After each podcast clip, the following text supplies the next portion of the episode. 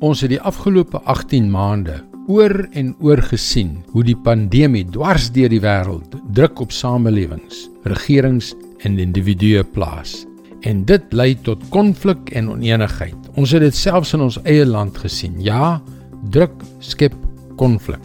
Hallo, ek is Jockey Gouchee vir Bernie Diamond en welkom weer by Vars. Wat moet ons dan doen?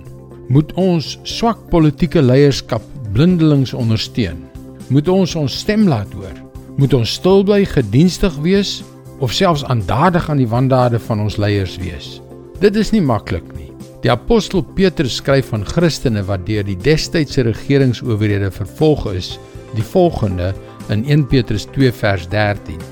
Omdat die Here dit wil, moet julle julle onderwerp aan elke menslike owerheid, of dit nou die keiser as hoogste gesag is of die goewerneurs as sy gevolmagtigdes wat die wat kwaad doen moet straf, maar die wat goed doen moet prys. Dit is die wil van God dat julle deur goed te doen 'n einde sal maak aan die kwaad wat mense sonder begrip uit onkunde praat. Julle is vry, maar moenie julle vryheid gebruik as dekmantel om kwaad te doen nie. Gebruik dit om God te dien. Natuurlik is daar soms tye wat ons teen verkeerde dinge moet optree.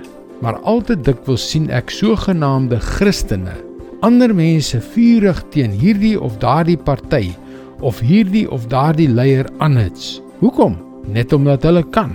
Ons raak krities en woedend as gevolg van die uitwerking wat die negatiewe sosiale media op ons het.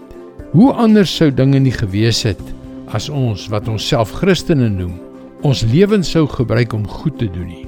Dit beteken dat ons die regering met 'n regte gesindheid gehoorsaam, selfs as ons nie saamstem nie. Dit beteken dat ons sal kies om nie aan moddergooiery deel te neem nie. En wanneer ons voel dat dit belangrik is om ons teen 'n ewel uit te spreek, dit met wysheid en in liefde te doen.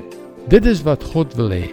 Julle is vry, maar moenie julle vryheid gebruik as dekmantel om kwaad te doen nie. Gebruik dit om God te dien. Dis God se woord, vars vir jou vandag.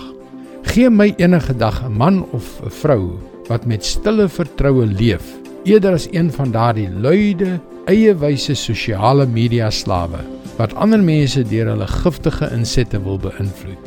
Stille vertroue is wat God van ons vra. Kom leer meer, besoek gerus ons webwerf varsvandag.co.za vir toegang tot nog boodskappe van Bernie Diamond. Skakel weer môre op dieselfde tyd op jou gunstelingstasie in. Mooi loop. Tot môre.